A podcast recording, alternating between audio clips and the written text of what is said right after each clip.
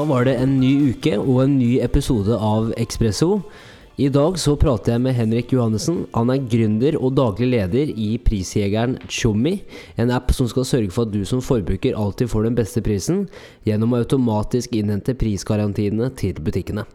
Så mye har skjedd siden Henrik utviklet appen som student på BI, og i dag har selskapet tolv ansatte, fått med seg investorer som Petter Stordalen, Vekstfonden Venture og Tinius Trust.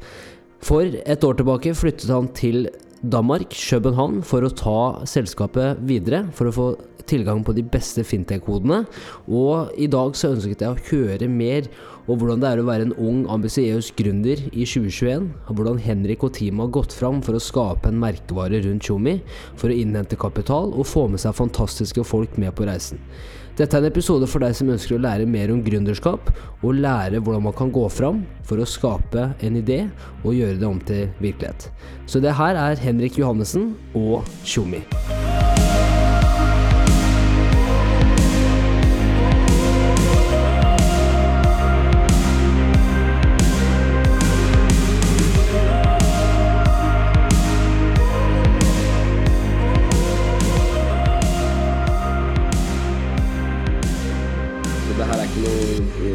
Noe med, med Henrik Holt. Her skal jeg ikke være vanskelig, uh, for å si det sånn. Men uh, Henrik, velkommen til uh, podkasten. Du har jo et eh, veldig fint navn. Jo, takk for det. Begynner med det. Hvordan, eh, hvordan har det vært å stå opp tidlig for å være med i dag? Eh, det er egentlig gått fint. Eh, altså eh, Problemet var bare at eh, vi har ganske travelt nå, så jeg fikk eh, kom litt sent til sengs for jeg holdt på med et eller annet. Men eh, bortsett fra det, så har det egentlig gått ganske fint. Men da setter jeg pris på at du, du joiner og, og blir med i en hektisk periode.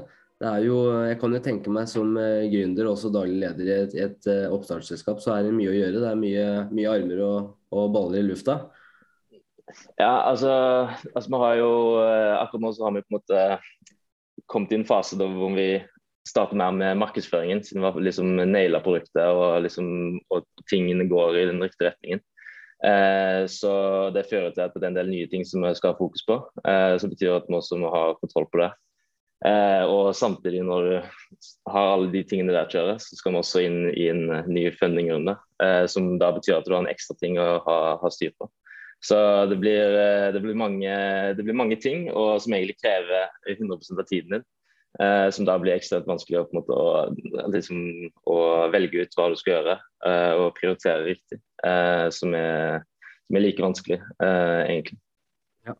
Og I dag skal vi jo prate om, om din reise som gründer også, og bli bedre kjent med deg. og Du, du ringer jo inn fra, fra København i, i, Danmark også, det er der du har eh, tatt, eh, tatt reisen din.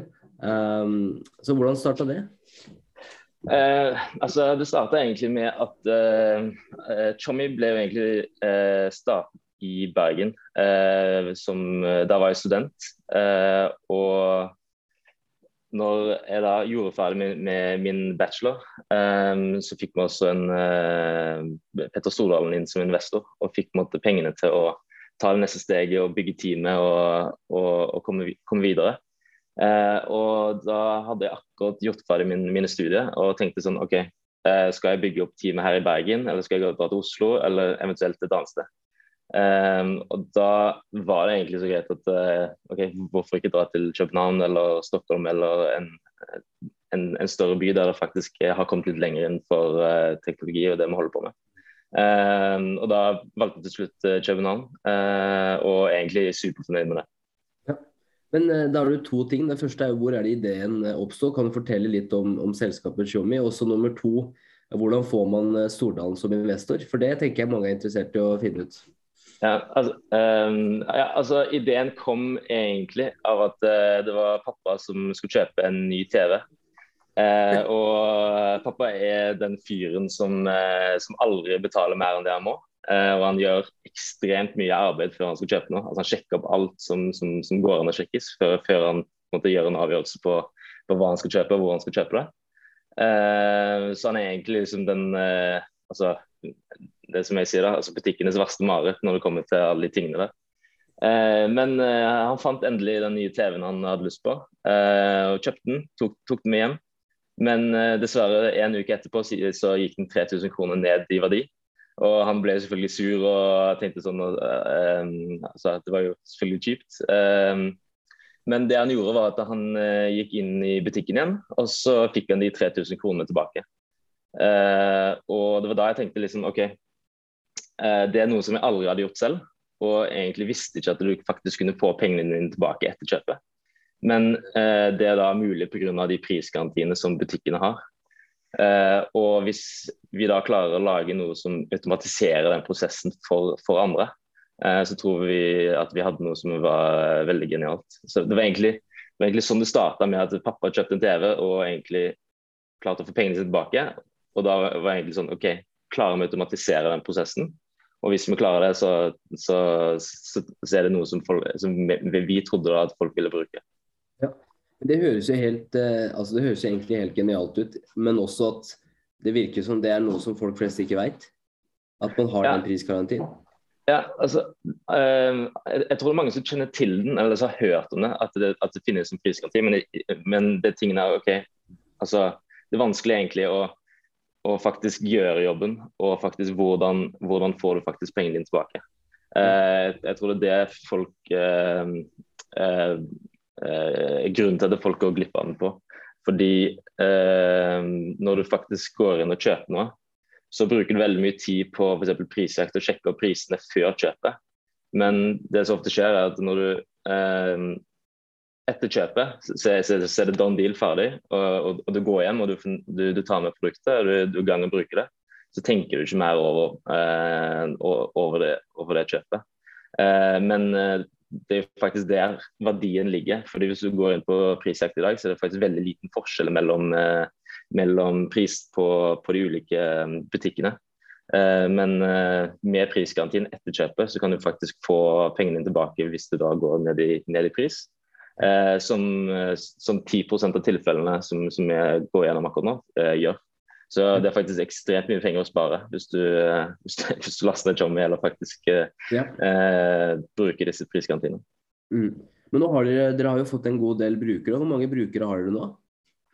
Eh, altså, Vi hadde jo nærmere 30 000 brukere på, på den versjonen vi hadde når vi først lanserte i Norge. Eh, mm. Som vi fikk med all den PR-en vi fikk i når vi først starta.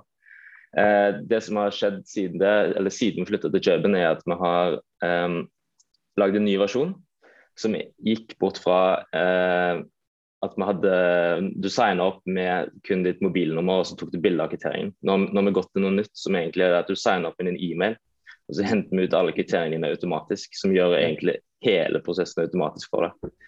Det, det, det, som skjedde i den prosessen var at vi måtte lage en ny app, som betyr at vi også mista en del av de brukerne i den overgangsfasen. Eh, fordi det er en stor forskjell mellom å ha en bruker som signer opp med et mobiltelefonnummer, og noen som signer opp med å gi tilgang til deres e-mail. Eh, så akkurat nå så passerte vi eh, 11 000 brukere som har gitt tilgang til, e-mail. Men mest, mest, av den veksten der kommer fra de gamle brukerne og organisk vekst. Så egentlig, egentlig veldig fornøyd med, med det. Det er jo, det er jo kjemperått å klare å, få, å bygge opp en sånn brukerbase på så kort tid også. Og det er jo med hva, for Du nevner jo PR, og det kan jeg tenke meg er jævlig viktig. En sånn sånn prosess. Men hvordan, hvordan har dere jobba for å få en brukerbase til å øke? Ja, altså, Hvis du tar helt tilbake i start, altså, altså Måten vi vokste liksom i, i helt starten, var egentlig kun PR. Uh, det som vi gjorde når vi, når vi, helt i starten, var det at vi skulle bygge den, den letteste MVP-en som var overhodet mulig. Det var da sånn at du, du, du logga inn med ditt mobiltelefonnummer, og så du, kunne du ta bilde av kvitteringen. Så hadde vi tre butikker som lå inne. Det var da Elkjøp, Power komplett. Og så tok du bilde av kvitteringen, og så måtte du velge produktet, pris, dato. Eh, for at du da skulle matche opp mot til vår database av, av priser. Eh, som var en superenkel app. Altså det, det er ikke komplisert i det hele tatt. Men det som vi klarte å få til, var det at eh, med den, med den versjonen der, selv om den var forferdelig dårlig, klarte vi å selge det inn til avisene pga. konseptet var så genialt og timingen var perfekt. Så vi kom ut med den versjonen sånn eh, på rundt Black Friday-området. Eh, som gjorde at vi kom inn i denne julehandel eh, eh rett, altså, rett etter Black Friday. Kom, ja. Så da var det liksom sånn få pengene dine tilbake på, på julegavene dine og, og, de tingene der. Eh, som gjorde at vi fikk den første artikkelen, nummer to, nummer tre og nummer fire ganske, sånn, eh, ganske raskt. Um, og så Det som skjedde da, var jo at uh, da fikk vi masse brukere. Så vi fikk 12 000 brukere i løpet av uh, en, en, uke eller to. Uh, kun, kun, kun, på det. Og så, så kom vi etter jul, og da, da gikk jo mange av de kriteriene vi hadde fått inn, gikk jo ned i pris. Um, men det som skjedde der var jo at uh, Elkjøp og Power og Komplett de avslo alle kravene. Fordi det de kom fra Tjommi altså, ja. uh, når det skjedde. Så da fikk vi en ny bølge med PR. fordi at uh, da var det jo liksom sånn Elgigantene prøver å stoppe den appen her, og de, de nekter å betale ut. Um, så da fikk vi den, den bølge nummer to. Uh, og det var der også Stordalen kom inn. fordi vi fikk en episode på TV 2-nyhetene uh, der vi hadde en, en, debatt med Eller det var en episode med, med meg og en kunde av Chommy, direktøren i Datatilsynet og uh, en, av, uh, en av toppledelsen i Elkjøp. og så så Stordalen og de den episoden, og så fikk jeg en, en e-mail av dem senere på dagen. Det er ganske bra. Du oppsøkte ikke de engang. Det var de som oppsøkte deg. Nei, det, det, det er altså, sånn eh, Egentlig alle pengene vi har henta og neste runde nå, kommer til å bli egentlig litt på samme taktikk. egentlig. Eh, må, altså sånn, Hvordan klarer du liksom skape den oppmerksomheten rundt selskapet ditt som gjør at det, du blir så populær i den WC-verdenen at de, de, kommer til deg istedenfor at uh, du, du, springer rundt etter dem hele tiden. Uh, ja. Det er jo helt, helt rått. Altså Bare det å få Stordalen på, på, laget så tidlig også. Og det er jo, det er jo Da har dere gjort noe riktig, for å si det sånn. altså I forhold til å skape PR rundt eget produkt. For det er jo sånn det er jo viktigere enn noen gang. Skal man klare å skille seg ut enten som selskap eller som enkeltindivid. Uh, men hvordan har, du, har, dere tenkt noe strategisk rundt det? Har dere, måte, har dere hatt noen plan hvor, som dere har sett har funka skikkelig i forhold til det å bygge en, en slags merkevare, da, eller få oppmerksomhet? Um, ja, altså um, I starten så var det jo liksom sånn OK.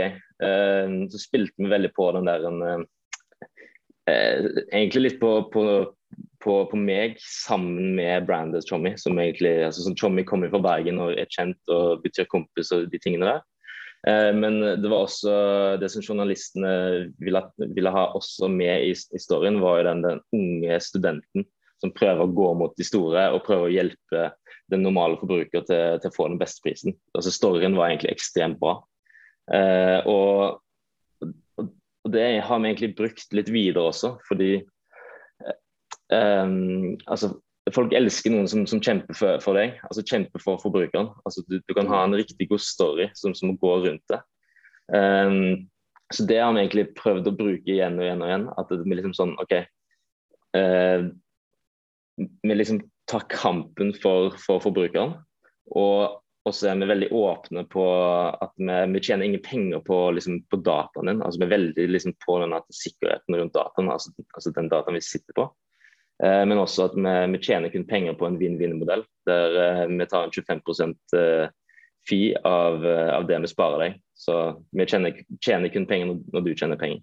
Mm. Så Det er egentlig det som jeg har prøvd å, å, bruke igjen og igjen og igjen i, i alle artiklene og, og, når vi går ut.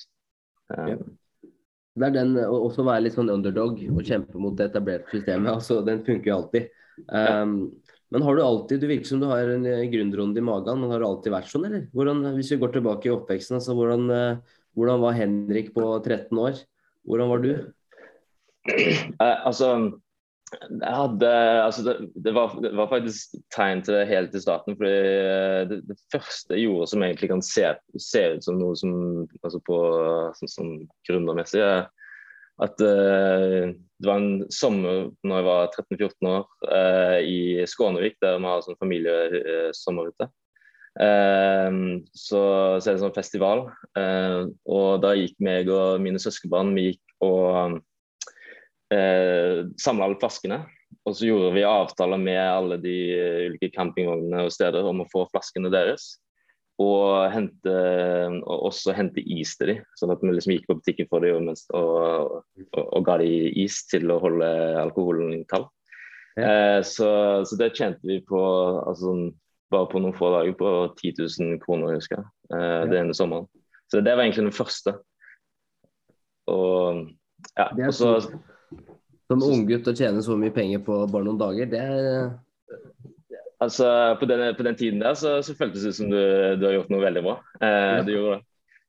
Um, altså, og senere så starta jeg Mens jeg var på tredje klasse på videregående, så prøvde jeg å starte en, en nettbutikk. Der jeg solgte noen klokker og noen armbånd og litt sånne ting. Jeg, jeg tror kanskje det var den største inngangen videre. For det var da jeg liksom OK, det åpna liksom opp til så liksom sånn Det var så mange ting jeg ikke visste før jeg egentlig gikk inn i det. Så det åpna opp til liksom sånn OK, alt som faktisk kreves for, for å få det til. Og, og det var da jeg også begynte liksom å kjøpe noen bøker og begynne å lese. Og, um, og, og det, da fikk du gnisten og, og fortsette videre derfra. Men hadde, altså, Hva drev du med ved siden av, eh, ved siden av skolen og sånn? da? Det, har du vært noe, drevet med noe fotball, har du drevet med noe idrett? Har det vært noen steder hvor du har brukt mye av tida di? Ja, altså, Det er jo den standarden. Altså, jeg skulle jo bli fotballproff da jeg var liten. Så jeg gikk ja. ganske hardt ut på, fotballen sånn, gjennom hele barneskolen og ungdomsskolen. Uh, og igjen, den typiske kneskaden kom. Uh, jeg kjenner til den hatten sjøl. Ja, men uh, den, den, kom da jeg sto på ski. Jeg sto også veldig mye på ski. så dro egentlig opp hver, hver eneste helg og, og og sto, sto, på ski og, hoppte hoppet og triksa og de tingene der. Ja. Um, og der kom jo en sånn kneskade som egentlig satte meg ut i et år. Ja. Og etter det så var, kom jeg aldri tilbake igjen sånn ordentlig. Og da falt, uh, falt litt uh, de, de, målene bort og, ja. og alt sånn. Ja, men det, det, Den historien den er, er som å tatt ut av min egen munn nå, for det var også den samme kneskaden jeg hadde. Ja. det er ikke noe, noe proff fotballspiller, dessverre, men uh, du får leve i drømmen.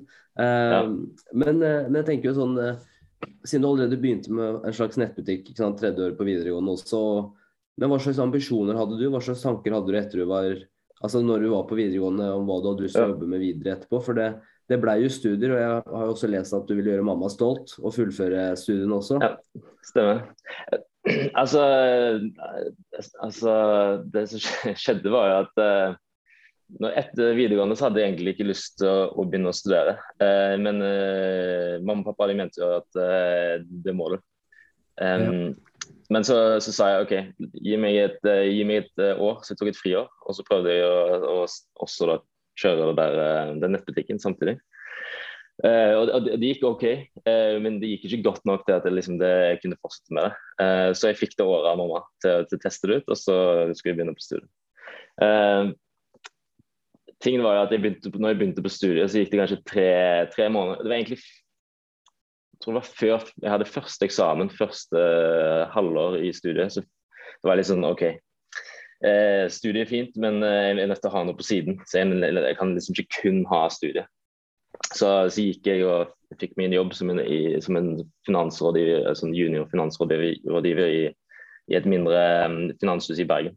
Så jobba jeg der på siden av studiet i ett år før jeg, da, jeg gikk i gang med Johnny. Ja, det der, eh, jeg husker det, sjef. Jeg gikk jo også på BI, og det var jo den eh, Det var noe som klødde da ved siden av studiene. Det var noe jeg måtte gjøre noe ekstra. Um, ja. så, så, den historien der kjenner jeg veldig godt til også. For det var det samme for meg, for jeg hadde også drevet, jeg drev også eget selskap ved siden av studiene som gjorde at jeg nesten ikke var til stede på, på skolebenken i det hele tatt. Men måtte fortsatt fullføre, da, for å tenke at uh, ja. hvis, altså, hele forretningsmodellen til BI er jo de som må ta opp fag. Så jeg tenkte ja. jeg skal ikke være en av de som tar doktorgrad i en bachelor uh, og, og, stå for halve inntekta til BI i løpet av, løpet av noen år. Men men for det er jo litt sånn i forhold til det med studier og, og utdanning, ikke sant. Um, og nå er du jo på en, på en, retning og på en vei som gjør at det, du kanskje ikke trenger høyere utdanning hvis det går veien. Um, men hva er ditt syn på det i forhold til utdanning og hvordan det er i dag? Og bare hvordan du har sett det i f.eks. København, da, hvor de er mye lenger fram på fintech og den type teknologi. Så hvordan, hva, du, hva tenker du om det? Ja, altså et, en, jeg tror eh, altså jeg synes studiet er egentlig en, en, en, veldig god ting, og det passer veldig bra for mange. Men eh, det, det er også en del som, som faller utenfor, uh, og jeg er mest sannsynlig en av de. Uh, fordi måten, måten, jeg lærer på, er å gjøre ting. Altså sånn, Jeg liker veldig godt det at ting går fort, og så, og så kommer du opp på, på, nye ting hele tiden. Og så handler det egentlig om å å prøve å forstå det, det du skal få til. Og så eh, knytte sammen alle de ulike tingene du, du, har lært, og så kommer du fram til en løsning på det. Eh, det, jeg, det, det, er min måte å lære på, og det er den måten jeg lærer best på. Og det er en måte som, som, som, som du ikke finner i, i, i studiet.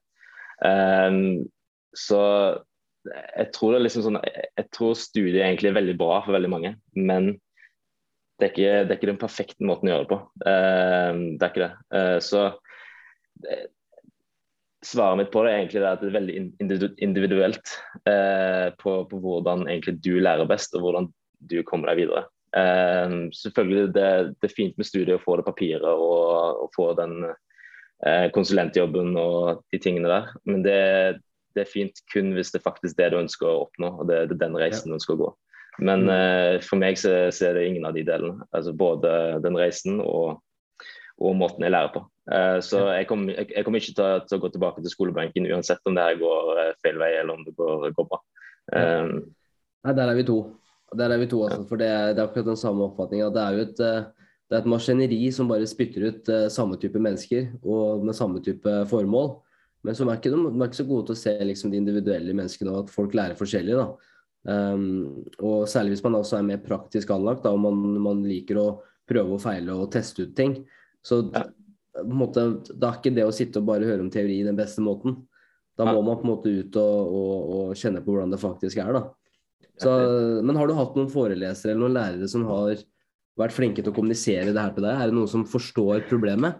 Eller er det liksom er det flest teoretikere som har sittet der og sagt at sånn er det? Um, nei, det er ingen, ingen fra skole, skolesiden. Men uh, igjen, da. Jeg tror, jeg tror, grunnen til liksom at det, det, det har gått litt sånn naturlig, er pga. Liksom, det startet liksom når jeg, når jeg jo, fra tredje klasse, når jeg starta nettbutikken. Og så starta på de erfaringene jeg fikk der. Og så begynte jeg også å lese på ting, eller liksom begynne å liksom kjøpe mine egne bøker på, på de som har gjort det, altså lykkes i, i å være gründer og de tingene. Og så starte på, på, skolen, og så er det egentlig den, jobb, den, finansjobben jeg hadde på siden. Altså de sjefene jeg hadde. Altså hvordan de gjorde ting, hvordan de tenkte på. Eh, og så til Chom igjen, altså de mentorene jeg møtte og i det nettverket jeg fikk. Jeg tror det er liksom de, de tingene jeg har hatt ved siden av denne typiske skole, skolegangen, som egentlig har liksom gjort meg til å forstå da, at det, eh, det, er faktisk den, den andre siden jeg, jeg, gjør det best på, istedenfor å være på den skolesiden. Ja. Så um, jeg tror det er egentlig de andre erfaringene jeg har hatt ved siden av skolen, som egentlig har, har, har, har gjort det. Ja. Men du har jo fått med en god del mentorer med også. Og Hva er det du har lært av de så langt? I forhold til De har jo sikkert masse, altså mange års erfaring med gründerskap, ledelse, eh, innovasjon, teknologi. og hva er det de forteller basert på deres erfaring? Hva er det du har lært av de? Um, ja, altså, nå Vi har jo et, eh, et, eh, sånn eh, advisory board i, i Chommy som, som, er ganske høyt nivå på. Så Da har vi Tom Hambrett som er eh, chief legal officer og partner i Revolut. Som er Revolut er en av de største fintech-appene i, i, verden. Mm. Og så har vi Chad West, som er CMO i Revolut. Eh, så har vi en dame som heter Maiken Påske, som har vært eh, eh, mye forskjellig. Men hun, hun, har vært i Lunar eh, og i Plekto. de er veldig kjente i Danmark. Og så en som heter Mathias Mønster, som er eh, co-founder og CTO i, i uh, To Good To Go, den matsvinn-appen. Um, så har, det som jeg har prøvd egentlig satt sammen, er egentlig um, egentlig de beste folkene på ulike felt som, som, som, er, som, jeg, jeg, er nødt til å ha uh, en, en, god tilgang til den riktige informasjonen. Fordi Får du, får du informasjon av de beste folkene, så, kan, så går det så ekstremt mye raskere, istedenfor at du skal nødt til å gå flere ganger og gå tilbake igjen og, og prøve å fikse det. Um, og det er på en måte min måte å lage min egen skole på, hvis du skal se det på den måten. Fordi eh, når du da kjører selskapet, og du kjører i 100 km i timen i én retning, Eh, så har du egentlig de mentorene ved siden av deg som egentlig eh, du kan ha, altså ha, samtaler med. Som egentlig hjelper deg til å, til liksom sette deg tilbake igjen på, på riktig kurs. Eh, og Det er jo egentlig på en måte det samme som en, altså en, en utdannelse i, i, seg selv. Fordi du, du, har på en måte du kjører selskapet, men du har også egentlig lærere ved siden av som, som, som, hjelper deg til å ta de riktige avgjørelsene på veien. Ja. Men det her er jo ganske anerkjente merker også. Bare Revolut, ikke sant. Altså Too Good To Go. Altså Det er jo to av de mest anerkjente måte, merkene som jeg har i hvert fall funnet her i Skandinavia også. Uh, ja. Men hvordan, hvordan, basert på din erfaring, da, og for andre unge personer eller mennesker som ønsker å starte noe for seg selv og, og gründe noe, hvordan går man fram for å bygge et godt Eh, på en måte et godt styre da, eller en god og en rekke med, med interessante personer på, på sida? Ja, jeg, jeg, tror det henger egentlig ganske fint sammen med, med funding, egentlig. Um, fordi jeg tror veldig på det at eh, når du uh, Altså altså Hvor dyktig du egentlig er til, til å lage en, en, en buzz rundt, navnet ditt og om selskapet ditt. Og at du, du, prøver på noe som er ekstremt vanskelig. Altså Du prøver å løse et problem som, som folk klarer liksom sånn, som ordentlig kjenner seg igjen i, og, liksom sånn, at, og at det kan bli veldig stort. Så eh, de Revolut-gutta de, de, ble veldig interessert i at eh, de, de, kjente en del ting igjen fra Revolut. Ikke, nødvendigvis at det, det, er en direkte sammenligning men at det, det var liksom innenfor fintech, det var, det var, noe som var helt nytt. det var liksom sånn, eh, som Revolut er kjent for, er at de, de egentlig forandrer hele bankverden på å fjerne alle de skjulte kostnadene og tenkt helt nytt innenfor bankverden. Det prøver egentlig vi også på, bare innenfor shopping. Eh, på, med, med, å gjøre det vi gjør. Eh, og jeg tror det er det som gjør at du får de folkene med. Um, og både også på fundingssiden. Um, hva har vært de største læringene eller erfaringene så langt? da? Når du har drevet nå i noen år, hva, hva, på en måte vært, hva er det de erfaringene du sitter igjen med som har vært Dæven, det her hadde jeg ikke tenkt på før jeg begynte. eller Det her har faktisk hatt en stor påvirkning på hvordan jeg eh, på en måte setter opp hverdagen min i dag, og hvordan jeg jobber i dag. da. Ja, altså Den listen er lang. Men eh, eh, jeg tror en ting som jeg har tenkt litt på i det siste, i hvert fall, er det at når du først starter når du er så ung, eh, når liksom ser liksom, hvis jeg går tilbake i tid, så er den der en um, den uh, fordelen med å være ung. Og så er det også litt naivt før du starter. for du, du, klarer ikke å se det fulle bildet, eller hva som skal til for, å faktisk komme en løsning og, og, og, og gjøre det til en, en, en solid bedrift. Uh, og når du er da litt naiv og starter først, så klarer du ikke å se det. Så betyr at du, du setter bare i gang. Uh, men uh, forhåpentligvis er du smart nok til å klare å komme med en løsning til slutt, uh, som, som, vi har i Tjommi fått til. det er noe som jeg har tenkt en del på i det siste. altså liksom den der en Fordelen med å faktisk være ung og naiv i, i starten. Ved å bare sette i gang. Og så er du nødt til å bare være smart nok til å klare å komme til en løsning til, til slutt. Fordi altså sånn Hadde jeg visst før jeg starta, uh, hvor vanskelig det kom til å være, og hva som kreves for å komme dit, og den tunge reisen det har vært, så, så, så, er det ikke sikkert at jeg hadde starta. Eh, som hadde vært uh, veldig dumt. ja. ja. men Det er jo litt det der i forhold til at man er som du sier, da, naiv nok til å tørre å satse. Jeg tror, jeg, tror, jeg tror, veldig ofte at hvis folk, i hvert fall de som har fått til ting, da, hvis man hadde visst alle svarene før man hadde begynt, eller hvis man hadde visst hvor vanskelig det skulle blitt, og så hadde man kanskje ikke gjort det i det hele tatt. Så den der, den, det å være naiv også tror jeg kan være en fordel, at man tør å satse litt mer. Um, ja. Men så sier du også det er viktig sant, å, å, bygge et produkt da, og klare å liksom, ikke bare tenke den visjonære ideen, men også klare å gjennomføre. Uh, mm. Og hvordan har du klart å bygge et team? Hvordan har du klart å finne folk som har den riktige kunnskapen og ekspertisen for å kunne bygge det produktet? da? Ja, altså um ja, det, det, er jo litt av de, de tingene som, som, er ulempen med å være ung. er jo At uh, du har ikke de erfaringene som du og ikke nødvendigvis vet hva du skal se etter. Så F.eks. i starten så, så, var det veldig vanskelig for, for, noen som på en måte ikke hadde noe som helst teknisk forståelse. Uh, for de gikk jo kun på, på BI og økonomi og de tingene der. Så jeg hadde liksom ingen teknisk forståelse på hvordan hvordan det faktisk eh, går fram, og hvordan finner du riktige folkene innenfor eh, tech. Og, og hva skal til for, for å bygge det her. Så, og Det gjorde jo at det var, det var en, altså, en, veldig treg start i forhold til hvis jeg hadde starta det nå. Eh, så Det er den store ulempen da, med å være ung og fersk.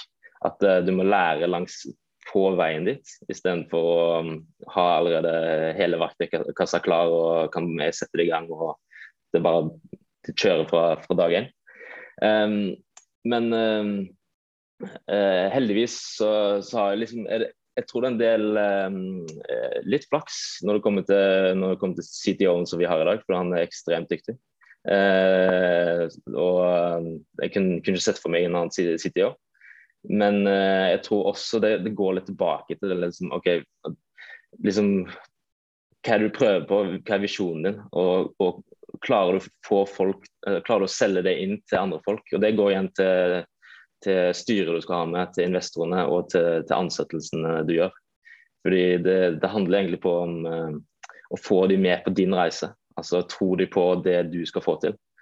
Og, uh, har du klart det, jeg mener det er den viktigste jobben. Altså, og så etterpå er det jo å aktiv. Altså faktisk gå ut og finne de folkene. Og, og snakke med mange folk og bruke nettverket ditt. Og, og, og ja, og så, bare, og så hente de inn. Men sånn i forhold til eh, altså, suksess, da. Altså, det er to ting. Da. Suksess i forhold til Tjommi, men også suksess i forhold til ditt eget liv. Hva er, hva er, suksess for deg? For det er forskjellig fra mennesker til mennesker. Men hva, hva, er, liksom, hva er, det for deg? Ja, det, hadde du stilt meg det spørsmålet der før, før jeg starta Tjommi, så hadde det vært helt annet svar enn det det er, nå. Eh, og Det, det syns jeg er litt kult. Fordi Hva hadde det vært?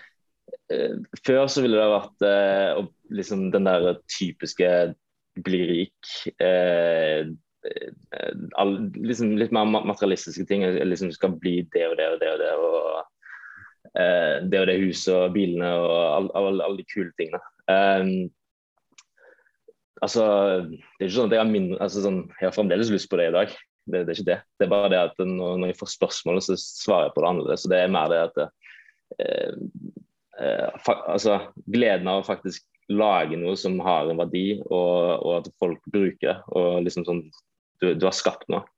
Um, det gir mye mer, uh, mye mer mening i, i, måte, i, det jeg holder på med. Uh, så, Grunnen til at jeg tror det har kommet, er fordi at uh, jeg tror det kommer litt tilbake til naiviteten i starten. Når du starter at OK, jeg skal starte en app her og jeg skal bli rik, og det, det går liksom sånn her, og så ser du det så tror jeg liksom du, liksom, Når du har gått den reisen og du har tatt stegene hele veien, så, liksom, så forstår du liksom vanskelighetsgraden og hva som kreves og, og de tingene der. Så betyr at det, for å faktisk komme ut på slutten med en god løsning og en, en solid bedrift, så er du faktisk nødt til å endre helt mindset rundt det. Fordi, fordi, fordi Hvis ikke så hadde du stoppa lenge før du hadde kommet dit. for Du hadde du ikke klart å holde det gående. Så jeg tror det endra seg pga. at det liksom har har gått den, eh, den tunge veien og, og, fått de erfaringene. Som betyr at jeg uh, liksom fått en, en, en, annen opplevelse på hva det egentlig som, som gjør meg, uh, gjør meg gir meg energi og, og, og, lykke i livet. Og Som, som gründer også, så er jo det en berg-og-dal-bane som livet, livet, ellers. Men hvordan, du, hvordan forsterker du den motivasjonen? Altså, Hvordan klarer du igjen og igjen minne deg på at det her er det du ønsker å drive med? Da? For det er jo også sikkert vanskelig for mange. Og kunne liksom ja. Hvorfor gjør jeg det jeg gjør? Ja. Um, nøkkelen her som jeg har erfart, uh, er egentlig ganske enkel. Jeg tror alle vet svaret på det. Uh, det er å være uh, konsistent i det du holder på med. Og, og når det kommer til fysisk form og komme seg opp og egentlig he, altså, alt det der. Mm. Um, jeg har i hvert fall funnet med meg selv altså De gangene jeg aktivt trener, altså sånn fem, fem ganger i uken, de periodene jeg uh, gjør det best. Mer energi, du er mer våken, du, du, er, mer, du er mer på. Altså sånn Alt blir bare, I hvert fall hos meg så blir alt bedre idet jeg uh, holder, meg, uh, holder, meg, veldig aktiv. Um, og det hjelper med stresset. Det, altså, det hjelper med absolutt alt. Det liksom, hvis det er én ting jeg er nødt til å gjøre for, for at uken min skal bli bra, så er det å gå, på, gå og trene. Fordi det, det, det er en sånn resten faller etter. Fordi Går jeg og trener, så, så, så jeg også, står, jeg opp, står jeg opp riktig. Jeg, jeg, trener, jeg spiser bra. Eh, jeg får også eh, lest, som jeg også har som, som, et mål å gjøre hver dag. Eh, og, og, resten bare følger med. Det er liksom den ene tingen. Um, ja. ja. Jeg er helt enig. i Den treningsdelen her bare sånn som nå, så det er ganske godt å se. For nå har jeg vært, jeg har vært litt småsjuk de siste ukene. Sånn som jeg var skikkelig sjuk for sånn fire uker tilbake. Da var det helt ragnarok. Da var det bare i senga, ikke sant, feber og full pakke. Og nå den forrige uka så har jeg også vært litt sjuk. Nesa er tettere enn eh, Altså, det er jo helt Du hører sikkert at det går ikke så mye gjennom nesa, det er mye gjennom munnen når jeg puster. Eh, men, men da, merker, da, har jeg ikke trent, ikke sant. Så nå har jeg ikke trent på en uke. Mm. Og jeg merker det. Altså, du, Da er det litt for at man er sjuk, men også hvor viktig det er den følelsen av mestring. At man bare gjør noe som krever litt ekstra. Og så er som du sier, da kommer alt det andre etterpå. Ja. Ja. Stå opp om morgenen, eh, f.eks. trene før jobb og, og føle liksom dæven, nå har jeg gjort første oppgave i dag, det, det, det fikk jeg til. Så ja. er det mye lettere å gjøre alt det andre. Liksom. Bare det å lese. Så jeg tror liksom struktur og rutiner da, er noe som er så undervurdert. Um, ja det er det. Jeg, jeg har et, eh, et, et, et, tips der på eh, I hvert fall det som jeg, har tenkt eh, Det jeg gjør selv etter jeg har lært det. Etter å ha gjort det feil mange ganger. At det er at ikke nødvendigvis Altså få de gode rutinene når, når det ikke er det, det, travleste. Altså når du faktisk har tid til å sette de gode rutinene. For Det er det som jeg har gjort feil et par ganger. det er at for Hvis vi skal gå inn i en fundingrunde eller gå inn i en, eller noe som er ekstremt travelt, at du da starter å prøve å sette de rutinene. Eh, som, ja, så du, du, ligger litt bak, da, som betyr at det liksom sånn eh, La oss si du har, det, du har, nesten, du har ikke trent på en, en periode, og så, du, så, jobber du hele dagen. Og så skal du prøve å legge på trening der før du egentlig har bygd opp. Så, så kan du egentlig føle at du blir litt mer sliten egentlig i den perioden. Eh, hvis du hadde bygd opp før, altså stille og rolig opp, Mm. Så, så, gir det egentlig den eh, mer energi når du kommer inn, men da får du også energi av treningen. Fordi, ja. fordi du, har det, du, har det, liggende i systemet. Ja. Det er veldig godt poeng. og så er det jo, Jeg har jo hatt mange sånne historier av kompiser og sånn også som aldri har uh, trent fem ganger i uka. Og så plutselig nå så skal de stå opp seks om morgenen og løpe et maraton ja. før jobb. Og så skal de melde seg ja. på Ironman, og så går det tre uker, og så å, nei, det var ikke rutine likevel. Og så er det tilbake så der eh, begynner liksom rolig, da, bygge det opp gradvis også. Det er jeg helt enig i. Ja, så er det noe med å skape gode opplevelser også. Altså sånn, eh, hvis, du, når du da, hvis du tar liksom litt øktene litt roligere og starter opp og får den der rutinen, så, så, får du faktisk en god opplevelse med å faktisk ha en rutine. Eh, og det er ikke for tungt som gjør at du klarer å bygge deg opp. Eh, og Hvis du skaper en god opplevelse, så blir det også en sånn deilig følelse. Og det, det hjelper oss som er i en tung hverdag. Ja. Og så er det jo litt sånn, akkurat som du sier, det skape gode opplevelser. Men det er jo veldig typisk for vår generasjon også. ikke sant? Du nevnte jo litt det med Hvis jeg hadde spurt deg før du hadde begynt Showme, altså sånn, det er liksom materialistiske ting, og det er jeg helt enig med, der er det samme her. Uh, men hvordan jobber du for å være til stede, da, faktisk kunne nyte de opplevelsene som skjer også? For det er Jeg merker de dagene hvor jeg ikke er bevisst, hvis jeg liksom ikke er veldig fokusert på ok, nå skal jeg være her, så merker jeg dagene ja. bare flyr. Og så sitter du ja. på kvelden og så tenker du hva var det egentlig jeg gjorde i dag? Jeg har ikke vært til stede. Kjenner du um, Altså, jeg tror det du beskriver, jeg tror det er, en, det, jeg tror det er vanskelig å unngå. Altså, det, det, kommer til å være, altså, sånn, det kommer til å være perioder der du, der du har det sånn. Uh, altså, det kommer til å være sånn Dagene flyr, og du vet ikke hvor dagen har vært. Og du husker ikke om det, om det er onsdag eller torsdag eller fredag det, altså det, det, skjer, og det, det, er en del av prosessen hvis du skal faktisk eh, hvis du skal prøve på de vanskelige tingene i verden, så er det jo et race mot alle, altså sånn et kappløp mot alle andre.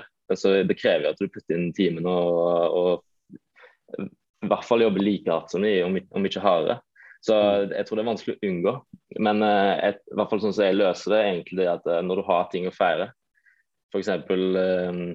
Selvfølgelig den store er jo selvfølgelig hvis du har henta penger. Den, den, jo sånn, da må du altså, ta deg tiden til å nyte det. og liksom, å, liksom, Ta et steg tilbake. Ta det litt roligere en, en uke eller to etterpå. og liksom sånn eh, Shit, hva, hva du egentlig har gjort? Eh, og på en måte liksom sånn, eh, ta, gi deg klapper på, på skuldra eh, når, når, du har, når, du har, fått det til.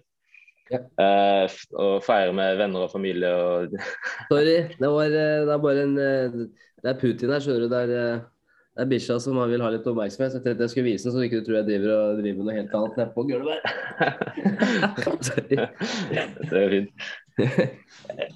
ja, altså um, Men også de små tingene. Altså uh, hele tiden. Altså har du, har du, de små tingene å feire, så, så gjør det. Og, og og liksom gi deg det klapp på skuldra, at du har gjort en god jobb. Og det er alltid fetere å dele den opplevelsen med de som er nærme. Så um, et, det er i hvert fall, sånn, sånn, jeg gjør det. Om det er riktig eller ikke, det, det vet jeg ikke. Men um, det, det, fungerer fint for meg foreløpig. Ja. Og Du nevnte jo før vi gikk på her nå, et, i forhold til at det er noen podcaster som du hører på har fått mye verdi ut av. Så Vi pleier også å snakke litt om, altså Du nevner at du, du prøver å få lest litt om dagen også. Kan du begynne ja. med hva slags, er det, noen, er det, noen, bøker som du har lest som har gjort stort inntrykk på deg, som du vil anbefale? Um, uh, du, du, du. Ja. Problemet er at jeg er dårlig på navn.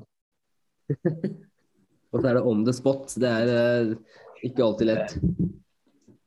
Eh, akkurat nå så leser jeg den der boken eh, John Peterson, eh, boka hans. Eh, er det nyeste, eller? Nei, en, jeg tror det er en av de første. Eh, ja, riktig. Ja. Den leser jeg akkurat nå. Eh, nå husker jeg husker ikke navnet på de, de jeg har lest tidligere. Eh, men det er i hvert fall den jeg leser nå, mm. som foreløpig bra. Ja fan av John Peterson, som, som sikkert veldig mange andre er. Og ja. sikkert mange, mange, som ikke liker han også. Men uh, det er i hvert fall den jeg leser nå. Ja. Nei, jeg, den boka synes jeg er kjempe altså, Han er veldig flink til å gjøre komplekse ting lette å forstå også, da. Så er uh, Jeg liker jo litt den der altså re opp din egen seng før du skal gå og fortelle andre hvordan de skal gjøre ting. Liksom ta vare på seg sjøl, da. Man kan lære mye der. Ja, du kan det. Og så eh, podcaster, du nevnte jo det før vi gikk på, det var noen gode, gode innspill her. Ja, altså De eh, podkastene følger, egentlig en som heter The Diary of, of a CEO og Steve Bartlett. Uh, det er egentlig min favoritt. Så jeg er innom Tom Billier. Han har jo litt flere podkaster, men egentlig sånn generelt Tom Billier. og hender at jeg går innom Joe Rogan hvis det er, noe, hvis det er en, en, en spesiell person som, som kommer på. Um, og så den siste jeg følger med på, er det, det NFX, som, eh, som, er laget av eh, et uh, WC-fond i USA. Uh, som, som, snakker direkte altså liksom, direkte om mye av de tingene som jeg går gjennom, som er, som er veldig relevant. Ja, ja. Sånn, uh, men det er også veldig, veldig høyt nivå på de de har inn. Mm. Sånn at du får og så like, så Samtalene også, de går litt i dybden også, så det, det er ikke kun bare det over, overfladiske. Nei. Uh, og, ja, og, og, litt det samme, altså min Favoritten min er den The Diary of a CEO. Uh, og grunnen til det er at uh, de folkene de har igjen, og også samtalene um, det, som de, det, som, det som han Steve Bartlett som driver prøver å gjøre annerledes, er jo er å faktisk gå inn på å snakke om de tingene som ikke vanligvis snakkes om i, innenfor innenfor uh, business og tech. Um, for så hadde han jo Klana-sida Nina, inne og, og, og, snakket liksom om hele reisen uh, og de vanskelige tingene. Uh, syns jeg er utrolig fett. Ja.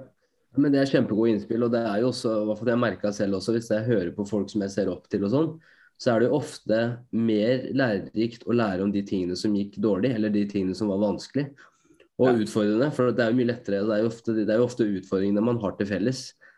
Men da er jo hvordan er det man løser de utfordringene? Og det å kunne lære da fra flinke folk er jo Du får jo ikke noe bedre måte å lære det på enn Og det er derfor podcast er så bra òg. For at det er liksom at det har blitt så tilgjengelig, da. Ja. Mm. Jeg, jeg, jeg, enig. Jeg tror den kombinasjonen med å faktisk gjøre det selv er ekstremt mektig. Altså liksom du, du når du, når du for eksempel, det du holder på med, når du springer 100 km i timen, så får du en, så ser du på noen podkaster her, og du har noen mentorer ved siden av her. Og så når du da får informasjonen deres, så handler det om å knytte det sammen til din egen, sånn at det gir mening. Mm. Eh, jeg tror hvis du klarer å knekke den der, så, så kan du komme ekstremt langt. Ja, jeg tror det er den beste måten å, beste måten å lære på. I hvert fall for oss, da, for det virker som vi er ganske like, at vi er praktiske. Vi vil at det skal skje ting, og vi, vi liker at det skjer ting fort. da. Ja. Um, men Erik, det har vært uh, kjempegøy å ha deg med på podkasten i dag. Har det vært gøy? Nå har, dette er, føler jeg som har vært et sånn nettforhold ja, som endelig har uh, eh, blomstra. Og endelig ja. har fått møtt deg. Det, jo, eh, takk det samme. Altså, det, har, det, har vært, eh, det, har, vært, veldig gøy. Eh, ja. Det er lenge siden jeg har vært på, på noen podkast og gjort de tingene. Eh, siden, jeg, jeg, har ikke gjort noe siden jeg flytta til Danmark. Så det, ja ett og et halvt år siden. Så det har vært uh, gøy å være på, være på igjen. Ja, og forhåpentligvis så blir det ikke den siste. Da tenker jeg vi for neste episode så får vi prate om hvordan det er å være ung i København, for det er jo en helt fantastisk by. Det, det, det kan være en helt annen snakk. Det, ja. det kan det. Det gleder jeg meg for å lage en ny podcast, 'How to be young and crazy' in Copenhagen'. Copenhagen. La oss gjøre det. Ja. Nei, men Herlig, Henrik. Tusen hjertelig takk for praten. Og for å lykke til med forberedelser til innhenting av kapital i dag. Så gleder jeg meg til å følge med videre. Eh, og så skal jeg bare gå og laste ned appen med en gang, og så skal jeg sørge for at Elkjøp eh, betaler meg det jeg fortjener. Det er bra. Takk det samme. Ja. Herlig. Tusen takk.